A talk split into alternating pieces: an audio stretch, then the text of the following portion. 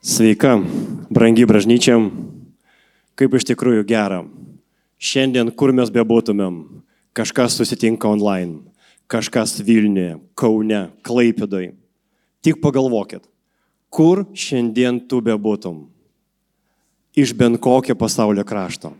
Mes visi esam viena bažnyčia. Susitikom dėl to paties. Pažinti viešpatį, suartėti su juo, pažinti viens kitą gilintis į jo žodį. Išeiti kažkiek perkeisti, nu, tikiuosi, kažkiek išmintingesni negu atėjom. Ir aš manau, tai yra taip gražu, kad koks tu bebūtum, kur tu bebūtum, mes visi ateinam dėl to paties. Ir esam viena bendruomenė, viena bažnyčia. Mes tęsim pamokslų seriją, mes kalbam apie gyvenimo ritmus. Kitaip tariant, apie įpročius apie įpročius, kurie mum yra naudingi. Ne tik mūsų kūnui, ne tik mūsų protui, bet ir visam mūsų gyvenimui. Ir šiandien noriu taip pat paliesti vieną, mano galva, tikrai svarbų kampą. Dažnai mane girdėt kalbant apie sprendimus, nes aš giliai susitikinęs, kad tai, kas vyksta mūsų gyvenime šiandien, tai yra kažkada priimtų sprendimų pasiekmė atsitiktinumų nei tavo, nei mano gyvenime dažnai nebūna. Na ir ar galit pakelt ranką, kam patinka priiminėti kvailus sprendimus?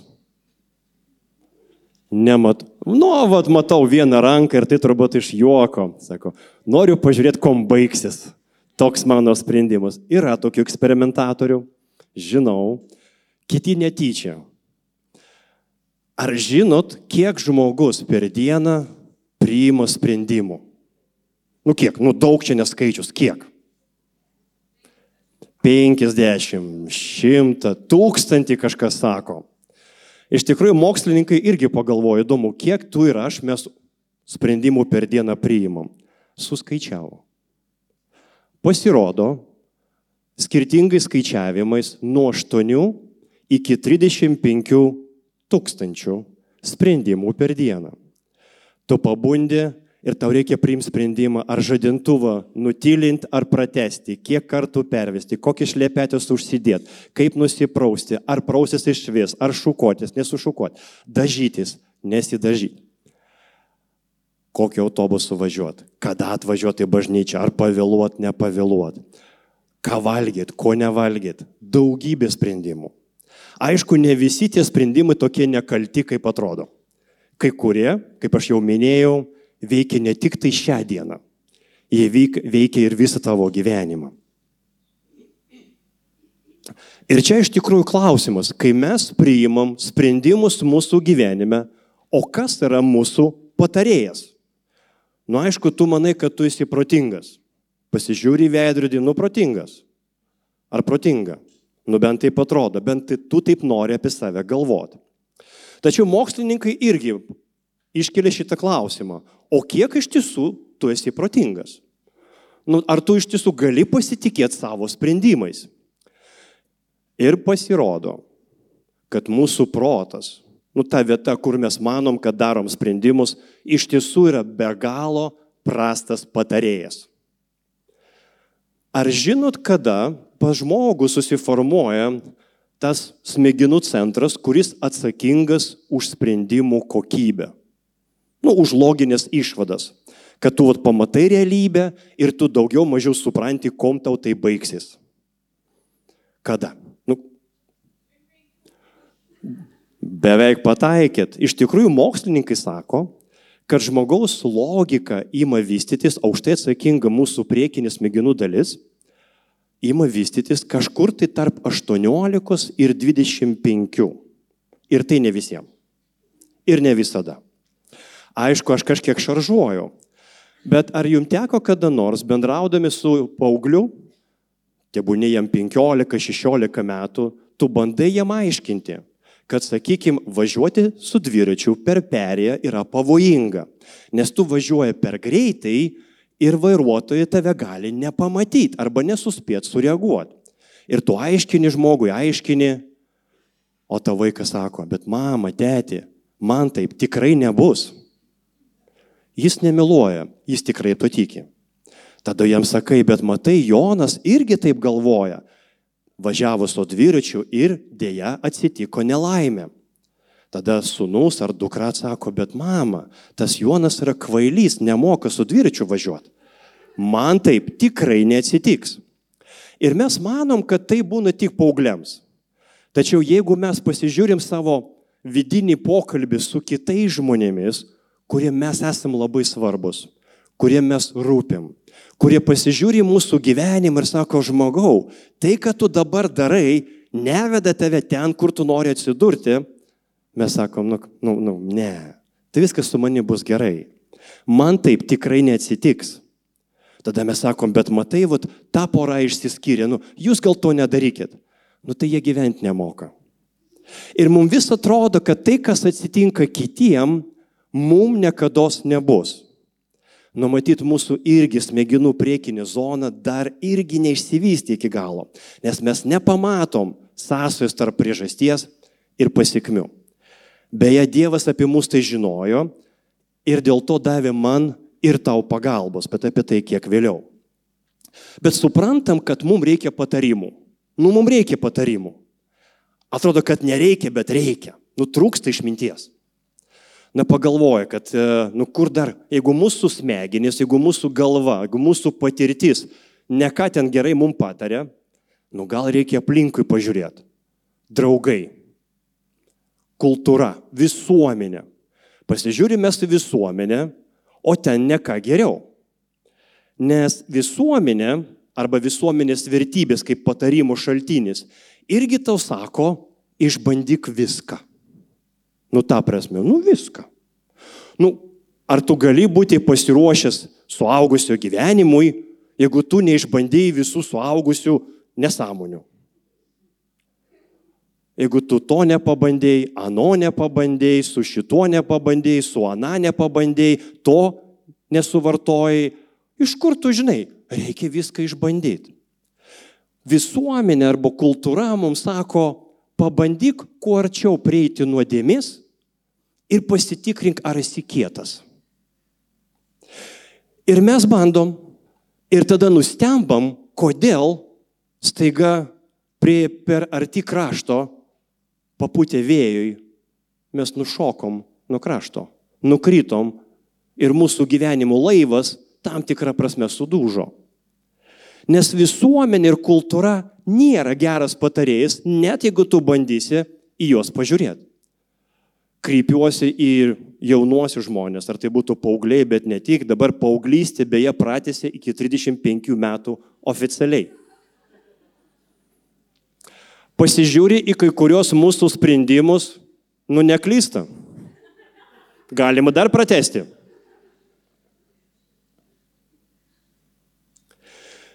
Bet mes suprantam, kad aplinka arba pasaulis, kuriame gyvenam, filmai, kuriuos žiūrim, nu atviri kalbant, jie meluoja.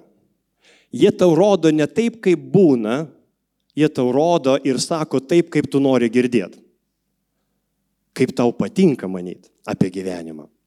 Tada tu priimi sprendimus, kurie iš tikrųjų žaloja tave ir aplinkinius. Tie iš jūsų, kurie bent kartą gyvenime bandė vairuoti automobilį naktį arba greitkelį kalnuose, tu kars nuo karto pamatai, kad kuo pavojingesnis ruožas, tuo daugiau yra apšviestų arba pažymėtų taip vadinamų kelio tvorelių. Jeigu tu jas atsitrenksi, tau skaudės, bet tu bent liksi gyvas. Arba tėvai dažnai sako, vaikeli, kai lypi laiptais į viršų arba žemyn, visada laikykis turėklų. Vaikai sako, kam, mama, ašgi nekrentu. Kai krysi bus per vėlų. Nesako, aš spėsiu įkypti. Sako, nespėsi. Niekas nespėja. Todėl visada reikia laikytis. Taigi mes suprantam, kad tau ir man gyvenime reikia kelio tvorelių arba mums reikia turėklų ir šiaip tai ne tik gera juos turėti, gera laikytis. Nes jeigu tu turi turėklą, bet nesilaikai jo, kai tu suklupsti, tu vis vien krenti. Ir nors šalia buvo turėklas tau nepadėjo, nes tu nespėjai įsikipti. Mums reikia pagalbos. Ka, kaip aš galvočiau apie savo gyvenimą. Ir Dievo principai, Dievo žodis yra mūsų gyvenimo apsauginis tvorelis. Kai tu varai per gyvenimą su savo automobiliu, gyvenimo automobiliu, 180 km per valandą ir tu manai, kad tu viską spėsi, tu esi tikrai kietas, tau tikrai pasiseks ir mes to norim tau. Bet jeigu tu imsi nepaisyti apsauginių tvorelių, jeigu tu imsi nepaisyti kelio ženklų, jeigu tu lipdamas gyvenimo aukštin nesilaikysi turėklų, kurios Dievas tau davė, tai, tai yra jo principai, tai yra jo žodis, kurio tikslas vienintelis - neapribot tavęs, apsaugot tave. Jisgi žino, kad tu nematai sąsojų tarp priežasčių ir pasiekmių. Nu mes tokie esam. O jis mato. Todėl jis nori tave apsaugoti. Todėl jis įduoda mums savo žodį. Sako, skaityk. O mes paskaitom, sakom, nesąmonė. Man taip nebus. Čia būna tik Jonui, jis gyventi nemoka. Jonai, atsiprašau, čia tiesiog toks žodis. Vardas, kuris nu, galbūt dažniausiai vartojamas, bet dovanokit. Ir yra žmonių, kurie tiki, kad saugos diržai yra ir, ir reikalingi tik bailiams, o išmintingi patarimai tik kvailiams. Nes ašgi viską suprantu apie savo gyvenimą. Bet kaip keistai beskambėtų, aš dar nesu sutikęs poros, kuri toktųsi tam, kad išsiskirti. Ir nepaisant to, kad pradžioje to tikrai nenori. Jie net nemano, kad jų veiksmai veda į skirybas, suėjus penkiem, septyniem, dešimčiai, penkiolikai metų būna visko. Matyt, nematom. Matyt, nėra mums tai akivaizdu. Ir mes turim nustot apsimesti, kad mes suprantam ir turim išminties. Nu, neturim. Mes dauguma iš mūsų esam 65 metų paaugliai, 75 metų paaugliai, kem 5 metų paaugliai. Mes mastom kaip paaugliai. Atrodom rimtai, pražylę, paaugę. Bet mastom ir elgiamės, sprendimus priimam taip nebrandžiai, nesiremdami niekuo apart savo patirtim, tavo patirtyje nieko gero nėra. Mūsų tėvų patirtyje, apart blogos patirties, kartais nėra ką pažiūrėti.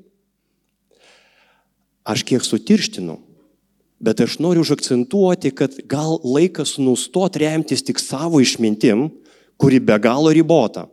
Ir vis dėlto įkypti į tai, kas turi keletą tūkstančių metų patirties,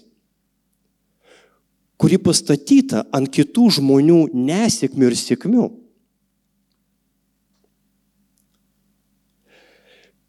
Paulius, jam labai rūpėjo Timotėjus. Timotėjus buvo jaunas žmogus, nežinau, kas buvo jaunas tais laikais, 20 keli metai, Timotėjus buvo jaunas žmogus ir jisai daug gero norėjo veikti savo gyvenime. Jis norėjo būti naudingas kitiem. O Paulius, suprasdamas, kad Timotėjus iš tikrųjų, kiek, kokie be būtų geri jo ketinimai, jis yra paauglys savo mąstymu. Jis yra kažkiek aklas. Jis nemato ir jam reikia patarti. O Timotėjui reikia išgirsti. Mums su jumis reikia išgirsti ar tau 65, ar tau 25, ar 15, reikia išmokti išgirsti. Iš tai, ką jis rašo. Pirmas Timotėjui, pirmas laiškas Timotėjui, pirmas skyrius nuo 18 iki 19 eilutės. Šį sakymą perdodu tau, Timotėjau, perdodu, nes man rūpi, perdodu, nes tau svarbu tai išgirsti tu esi kietas, tu esi lyderis, bet tau perdodu, kad tu atkreiptum dėmesį. Sūnau Timotėjau, pagal ankstesnės pranašystės apie tave, kad jomis remdamisis kovotum gerą kovą. Tu ir aš, kai mes einam per gyvenimą, mes nuolat kovojam. Mes kovojam su aplinkybėm, mums reikia priminėti visokiausius sprendimus, bet remdamėsi kuo? Jeigu aš savo gyvenime galėčiau remtis savo tėvo išmintim, aš jums pasakysiu nuoširdžiai su visa pagarba mano tėčiui, ten nebuvo daug išmintingų sprendimų. Man reikia kažkokio tokio pamato, kurio aš galėčiau visiškai pasitikėti ir tuo pamatu remtis. Nes sprendimai turi kažkuo remtis. Ne tavo nuomonė, ne tavo nuotaika, ne tavo patirtim, kuri dažnai būna klaidinga, ne filmais, ne istorijom. Kuom tu remiesi, kai tu priimi savo gyvenimo sprendimus? Nu nebūtinai tos 35 tūkstančius, bet bent 10 per dieną. Ir toliau mes skaitom, turėdamas tikėjimą ir gerą sąžinę, nes jos atsižadėjus, kai kurių tikėjimo laivas sudužo. Aš dar nesutikau ne vieno krikščionio, ne vieno tikinčio arba ieškančio Dievo žmogaus, kuris atradė Dievą, galvotų, kaip jam jį pamesti. Aš dar nesutikau tikinčio, kuris norėtų tik įtikėję atrasti būdą nusivilti dievų ir jo įsižadėti. Nesutikau žmogaus, kuris ieškotų samoningai savo blogo, norėdamas patirti savo tikėjimo laivo sudužimą. Ir nepaisant to, per 30 metų tikėjimo kelią, be galo daug, daug žmonių tikinčiųjų žmonių, kurie buvo mano mentoriai, mano palydėtojai, mano dvasiniai pavyzdžiai. Aš šiandien matau, kad jų, mano tikėjimo pradedininkų, tikėjimo laivas sudužo visiškai. Kai kurie iš jų teko, neteko ne tik tikėjimo, kai kurie iš jų neteko šeimos, santykių, aplinkos, bendruomenės. Ir aš galvojau, nejaugi jie to norėjo. Aš netikiu, kad žmogus nori savo blogo. Bet jie nuoširdžiai tikėjo, kad sprendimai, kuriuos jie priima vienokį ir kitokį savo gyvenimo akimirką, nesiremdami kažko tvirčiau negu tik tai jų piktis, nuojauta arba kitų žmonių patirtim, Nes jeigu tu nesiremsi tai, kas yra nepajudinama, tu būsi pajudintas. Kuom pavojinga pelkė, ypač miško pelkė? Kas grybautojai žinot, kai eini mišku, tu pradedi matyti, kad kažkas netaip darosi su žemė. Jis tarsi darosi vis minkštesnė. Ir tau reikia žengti kitą žingsnį ir tavo klausimas, ar aš dabar, kai visą savo svorį perkelsiu ant šitos žemės paviršiaus ant šito. Ar atlaikys ar net laikys. Ir vad neatsargų žmonės, jie tiesiog žengia ir žiūri, kas toliau bus. Miško pelkė pavojinga tuo, kad viršui jinai atrodo kaip kieta žemė, o po apačia yra minkšta, skista. Jinai net laiko tavo kūno krūvio ir tu įkrinti. Į tave pradeda traukti žemyn tai tu turi pasitikrinti, ar iš tikrųjų atlaikys mane. Daug sprendimų, kuriuos mes priimam gyvenime, daug pilkų zonų, į kurias tu eini. Tai yra miško pelkė. Atrodo gražiai. Tu drąsiai žengi tą žingsnį ir atrandi save iki kaklo. Pelkiai tave pradeda sirpti ir tu šaukėsi pagalbos. Kas čia taip, kas ne taip. Kartais ištraukia, kartais ne. O kiek mes gyvenime turim tų pilkų zonų, tų miško pelkių, per kurias bandom eiti, tarsi čia yra asfaltas. Jeigu aš su tą moterim pabendrausiu, ar išeisiu į kavinę, arba toj komandiruoti ilgiau pabusiu, taigi čia nieko tokio, mesgi visi esam civilizuoti vyrai arba moteris, mesgi suaugę. Įdomu, iki kiek aš galiu tam vyrukui mane čiupinėti, kada jau tai nebebus nuodėmė arba taps nuodėmė. Ir mes vis bandom eksperimentuoti, kiek galiu gerti, kad neprisigerti. Ir da, kiek galiu išgerti, kad tai dar nenuodėmė. Ir mes vis bandom eiti per tą pelkę, išdidžiai iškeltą galvą, manydami, kad praeis. Ir kartais nepraeina. Ir tu įkrinti, ir tu pyksti ant pelkės. Bet tengi buvo parašyta - pelkė. Ko tu ten lindi? Taigi mačiau, kiti ėjo. Tai buvo kino filmas. Jis taip ir vadinasi meno kūrinys. Žmonių išmislas. Ten rodo tai, ką tu nori matyti, ne tai, kas būna gyvenime. Nes jeigu tu pažiūrėtum serialą apie kitų žmonių gyvenimą, kokie jie būna, tu nustotum žiūrėti trečią minutę. Ne tai, kad neįdomu, labai baisu. Ir pradė save matyti. Taigi, jeigu mes manom, kad mes galim per gyvenimą eiti, tarsi visas gyvenimas yra asfaltas ir artėjim nuodėmės, tarsi tai asfaltas ir neįkrysim, būk atsargus. Nes daug žmonių jau yra įkrytę.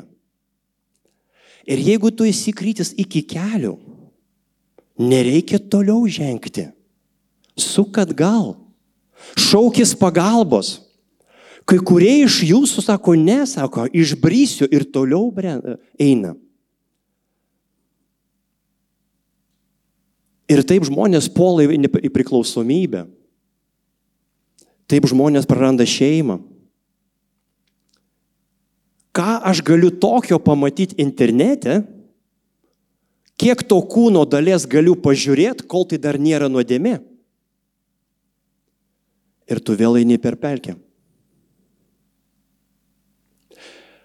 Paulius, suprasdamas mūsų prigimtį, o Paulius man kuom patinka, jisai būna toks labai tiesmukas. tiesmukus. Jisai nevinioja į vatą, pasako, kaip yra. Todėl jis ne visiems patikdavo. Laiške viziečiams, penktam skyriuje, penkioliktai eilutėj, mes skaitom. Todėl, nu ten kažkas buvo, todėl, rūpistingai žiūrėkite, kaip elgitės. Nu jūs elgitės. Nu tai pažiūrėkit, kaip elgitės. Nėra lengva. Kad nebūtumėt kaip kvailiai, bet kaip išmintingi. O kaip elgesi kvailys? Nu kvailys pirmą, jis niekada nesustoja pagalvoti, kaip elgesi ir ką daro. Antra, ką daro kvailys. Nesvarbu, kokios pasiekmes, jis visą atsakomybę perkelia į išorę. Ant pelkės. Čia pelkė kalta. Tėvai nepasakė, Dievas kaltas, bažnyčia kalta, mergina kalta, vyras kaltas, visuomenė, kažkas. Bet neprisima asmeninės atsakomybės, kaip sako jaunimas, neaunina sprendimo. Ir mes galom, kad yra, manom, kad yra nauja problema. Ne. Tai yra sena problema. Mes nauji. Problema sena. Nes apie ją rašo Paulius 2000 metų atgal. Rūpistingai žiūrėkite, atsakingai. Eik per gyvenimą kaip per miško pelkę. Atsargiai, apeik pelkiai gali. Neik tenai. Kaip mums tėvai sakydavo, neik tą vakarėlį. Ten nieko gero nebus neik su tais bernais, nebus nieko gero. Jie darys nesąmonės, net laikysi ir tu padarysi. Neik į tą kompaniją. Tu esi sąžiningas, jie gal ne, bet tu net laikysi. O jeigu ir atlaikysi, kam tu tau to reikia? Nes spaudimas bus. Jeigu kartais tu nueini į kompaniją, kur žmonės linksminasi, ir ant stalo yra alkoholio. Ir jie žino, kad kompanija yra bent vienas tikinti žmogus. Toks jausmas, kad jų misija privers, kad tu susilygintum. Ir kartais tu patiri tikrą spaudimą. Ir ne visi atlaiko. Bet jiem to reikia ne tam, kad tau būtų blogiau. Jiem reikia save pateisinti, kad jeigu ne tau galima, tai jau man tu jo lap. Žmonės visada aplinkoje žiūri, žino, kas yra žmogus su vertybėm. Ir jie deda visas pastangas, kad tu nusižengtum savo vertybėm, kad jiem būtų lengviau, ne tau. Todėl pirmam, pirmam laiške, Petro, Petro laiške 5.8 mes skaitom kitą patarimą. Todėl būkite blaivus ir būdrus. Čia ne apie blaivybą, bet požiūrio, kla, požiūrio klausimas. Būkite būdrus. Nes jūsų priešas velnės lankioje aplinkui, kaip reumojantis liūtas, tikodamas kuri nors praryti. Įsivaizduokit, mes su jumis einam į zooparką. Didelis narvas, jame labai piktas liūtas. Matosi, kokią savaitę nevalgęs. Žiūri tave kaip į mėsos gabalą. Ir tau ateina į galvą fantastinė mintis - jį paglostyti. Ir tu kiši ranką tarp į tą narvą. Klausimas - visiškai nesvarbu, ką tu galvoji apie save ir apie tą liūtą, kuom tau tai baigsis. Rankos tu neteksi. Ir čia geriausia, kas atsitiks tavo gyvenime. Brangiai, kaip dažnai mes elgiamės lygiai taip pat savo gyvenime, kišdami savo rankas, galvas ir kitas galūnės į liūto narvą. Nes raštas mums sako, kad piktasis jis nėra tau geras. Ir jis yra žiauriai protingas. Jisai kūrė tavo gyvenime aplinkybės, situacijas, kur tau reikia priimti sunkų sprendimą. Ir jis tau sako, nieko, nesijaudink, viskas bus gerai, elkis kaip nori, viskas bus gerai. Bet jis žino, kad nebus gerai. Jis žino, kad tu kiši galvą į liūto narvą. Ir jis jį milai nukas.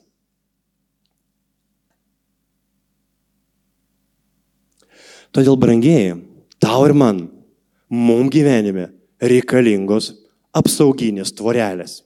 Kai mes važiuojam su savo gyvenimo automobiliu, nesvarbu kokiu greičiu, bet dažnai gazas iki dugno ir stabdžiai tik bailiams, mes nesustojam pagalvoti ne apie savo gyvenimą, ne apie pasiekmes, nes mums reikia viską spėti. Taigi gyvenimas toks trumpas mums reikia apsauginių tvorelių. Mums reikia jas sukurti ir naudotis tomis, kurios jau yra sukurtos. Mums reikia turėklų lipant aukštin savo gyvenime. Kažkam leidžiantis žemyn, koks skirtumas, mums reikia apsauginių turėklų. Mums reikia Dievo žodžio. Mums reikia Dievo žodžio. Mums reikia kitų tikinčiųjų, kurie eitų šalia mūsų ir sakytų nuoširdžiai, žmogau, sesė, brolė, tu darai nesąmonę, nedaryk to. Yra žmonių, kurių patarimo klausytis nereikia, bet tu žinai visus, nuo kurių bėgi, bet kurių patarimo klausytis reikia. Ir aš juos žinau.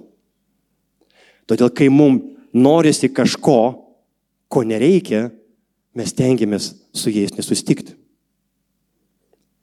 Nes taip lengva save apgauti.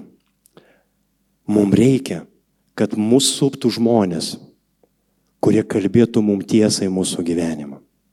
Ar tai būtų mažoji grupelė, ar tai būtų triada, ar tai būtų moterų tarnavimas, vyrų tarnavimas, kas tai bebūtų, ar tai būtų pamaldos, bet tai būtų aplinka, kur būtų žmonės, kurie tave matytų, kuriem tu rūpi, kurie išdrįstų, o tu leistum pasakyti tiesai tavo gyvenimą. Ir tai gali būti tavo dvasinė bendruomenė, tai gali būti tavo sesė arba brolis, kuriuo tu pasitikė, kuriam gali paskambinti, klausyk, turiu iššūkį, turiu didelę pagundą, pasimelsk už mane, bijau net laikysiu, pats noriu bėgti, bet kojas ten eina. Tai būna gyvenime, nes taip kūnas trokšta, nes taip labai norisi. Protas sako, jo dvasinis protas sako, nedaryk, bėg, bet kojas ten veda. Tada skambink tiems, kurio, kuriais pasitikė, sakė, pasimelsk už mane. Bijau, net laikysiu. Tai gali būti tavo triada, tai gali būti kiti tikintieji, kuriem tu rūpi, bet juos reikia atrasti. Ta bendruomenė reikia puoselėti ne tada, kada blogai, o kai dar ne visai blogai. Turim būti proaktyvus, kurdami tvorelės, apsauginės tvorelės savo gyvenime. Ir galiausiai, nu galvoju, nu Paulius gal jisai kažko nesuprato, gal jisai, nu, nu tik 2000 metų žodis, bet yra 5000 metų žodis. Gal klystu, gal biški mažiau.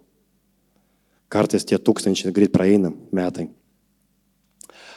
Patarlių knygoje, septintam skyriuje, nuo pirmos iki trečios eilutės mes skaitom. Čia jau vėlgi pagyvenęs žmogus, kuris visko gyvenime turėjęs ir padaręs, pridaręs daug kvailų dalykų ir išmintingų, kuris jau moka atskirti vieną nuo kito, sako, mano sunau, mano dukra, saugok mano žodžius ir neužmiršk jų. Neužmiršk mano įsakymų. Saugok, nes kažkas bandys pavokti. Neužmiršk, nes tu bandysi užmiršti. Nes kai labiausia tau to reikia, tu bandysi užmiršti. Saugok mano įsakymus ir būsi gyvas, sergik mano įstatymą kaip savo kies vyzdį. Trečias, trečia eilutė man labai patinka, daug žmonių iki šiol naudoja. Ant rankos piešia kryžiuką, kad kažko nepamiršti. Aišku, po to bėda neatsimina, ko nereikėjo pamiršti. Matus, sako, kažką turėjau nepamiršti. Ir visą dieną vaikšto, ką aš čia turėjau nepamiršti.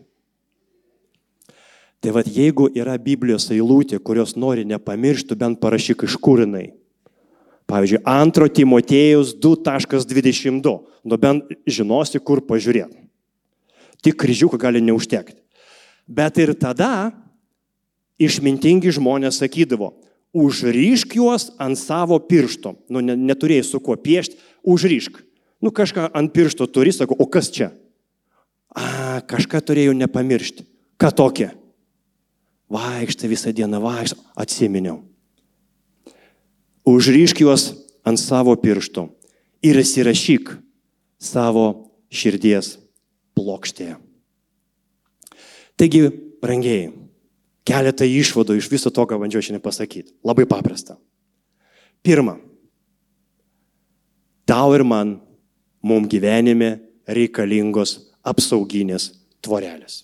Ir apsauginiai turėklai. Nu, mums jie reikalingi. Nes gyvenimas iš tiesų yra pavojingas. Gyvenimas yra miško pelkė. Tau gal atrodo kitaip, gyvenimui nesvarbu, kaip tau atrodo. Čia tavo problemos. Todėl mes turim proaktyviai kurti tokias tvorelės savo gyvenime. Kaip? Samoningai ir proaktyviai einam į atsiskaitomybės santyki su kitais tikinčiaisiais sąmoningai, proaktyviai einam į atsiskaitomybės santyki su kitais tikinčiaisiais. Tau ir man mums reikia bent vieno kito tikinčiojo, su kuriuo tu turėtum arba galėtum eiti per gyvenimą. Kažkas tau turi išties ranką. Trečia, skaityk Dievo žodį. Bet skaityk ne tam, kaip formalumui, kažką šiandien paskaičiau, bet valgy kaip duona. Tugi valgai, kad prisisotinti. Tugi valgai, kad pasijausti, kad va, turiu energijos toliau gyventi. Valgyk Dievo žodį. Va skaityk su nuostata, ten yra kažkas tokio, ko aš nesuprantu, bet man to reikia. Tai nori mane apsaugoti, aš noriu įsidėmėti. Ir paskutinį. Skaityk ir mokykis Biblijos rašto vietas atmintinai. Bent vieną eilutė per savaitę. Patikėk, nėra paprasta. Aš bandžiau. Perskaitai, už minutės nebeatsimeni. Už valandos dar kartą vėl nebeatsimeni. Ant rytojus vėl neatsimeni. Bet jeigu visą savaitę bandysi atsiminti bent vieną eilutę, o per metus tau pavyks išmokti gal ne 504, gal 20, 30, tu nustepsi, kaip įdomiai šventoji dvasia veikia. Kai tu eini per gyvenimą ir kažkas bando tave apgauti. Situacija tokia, kurios tu nesuvokė, bet šventoji dvasia ištraukia iš tavo atminties Dievo žodį. Sakyk, čiukšt, perskaityk tavo kelio ženklas. Mažink greitį, suk į kairę, ten neik ir paremė visą tai savo išmintim. Tau ir man. Mums reikalingas Dievo žodis kaip apsauginiai turėklai, kad įkipt ir nepaleisti, nes žemė iš pokojo išeina labai greitai. Pasimelskim. Mūsų viešpatė tau dėkojam už tavo žodį, kuriame yra visko, ko mums reikia. Ten yra visa išmintis. Todėl mes įsipareigojam, norim viešpatė ir žengsim tą žingsnį studijuoti tavo žodį. Valgyti jį kaip duona. Įsidėmėti, atsiminti. O viešpatė praplėsk mūsų atminties ribas ar jaunuoliai esam, ar subrendę žmonės, mums viešpati reikia išminties, mums reikia atminties. Padėk, padėk mums atsiminti tavo žodį. Padėk mums jį suvirškinti ir suprasti jo gilį, kad jisai apšviestų mūsų gyvenimo kelią. Taip pat viešpatė aš prašau, kad tu atvestum į mūsų gyvenimą kitus tikinčius, žmonės, tikėjimo pakeleivius, kurie galėtų padėti mums eiti drauge, kurie kalbėtų tiesą į mūsų gyvenimą, o mes galėtumėm kalbėti tiesą į jų gyvenimą. Viešpatė, kiekvienam iš mūsų mums reikia tokių žmonių. Prašau tave, padėk mums atrasti tokį žmogų. Sužadink mūsų pamumise tą alkį tokį žmogų turėti. Ir tuo pačiu atliepti kito tikinčiojo prašymą būti tokiu žmogumi nesikūklinti be reikalo, bet jeigu jauti, kad dvasia veikia, jaučiu, kad dvasia veikia ir veda, kad atliepčiau.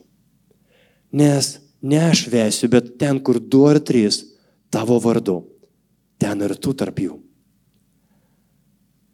Ačiū to viešpatė už tavo žodį, už tavo išmintį, už tavo, tavo tokią gilę meilę mum, kad tu nori, kad kiekvienam iš mūsų gerai sektųsi. Ir ačiū tau, kad pažadėjai, kad per ką mes beitumėm, tu eisi su mumis. Ačiū tau, Jėzau, kad eini pirmą mūsų. Todėl turim vilti ir drąsą eiti tikėjimu per gyvenimą. Su Dievo žodžiu savo širdį, savo prote. Ir su tikėjimo pakileiviais. Su viltimi kad šitą gyvenimo maratoną nubėgsim iki galo ir mūsų tikėjimo laivas atlaikys bent kokią gyvenimo audrą. Amen.